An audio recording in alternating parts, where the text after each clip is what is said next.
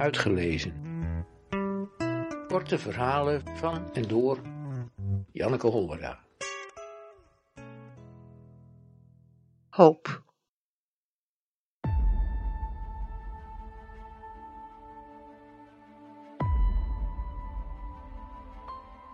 Toen Epimetheus in een diepe slaap was, verliet Pandora het bed, liep op haar tenen naar de doos en stak de sleutel in het met robijnen afgezette slot.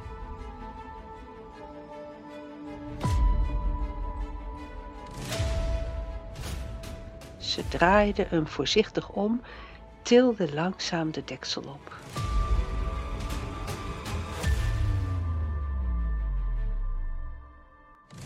In één klap kwamen de grijnzende kop van de tegenslag, het kronkelende lijf van onheil, de stank van ziekte, het gal van verbittering, de schreeuw van pijn en het rode en vlammende kwaad tevoorschijn.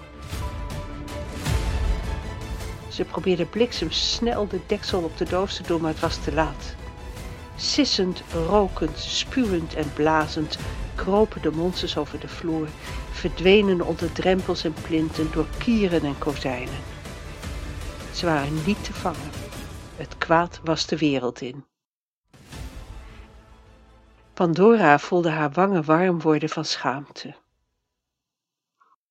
Toen ze de deksel weer op de doos wilde leggen, zodat het eruit zou zien alsof er niets gebeurd was, zag ze dat er in een hoekje een klein en bang, trillend en groen wezentje was achtergebleven.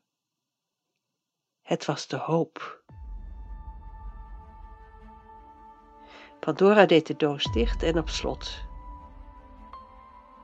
Zo bleef de hoop bewaard.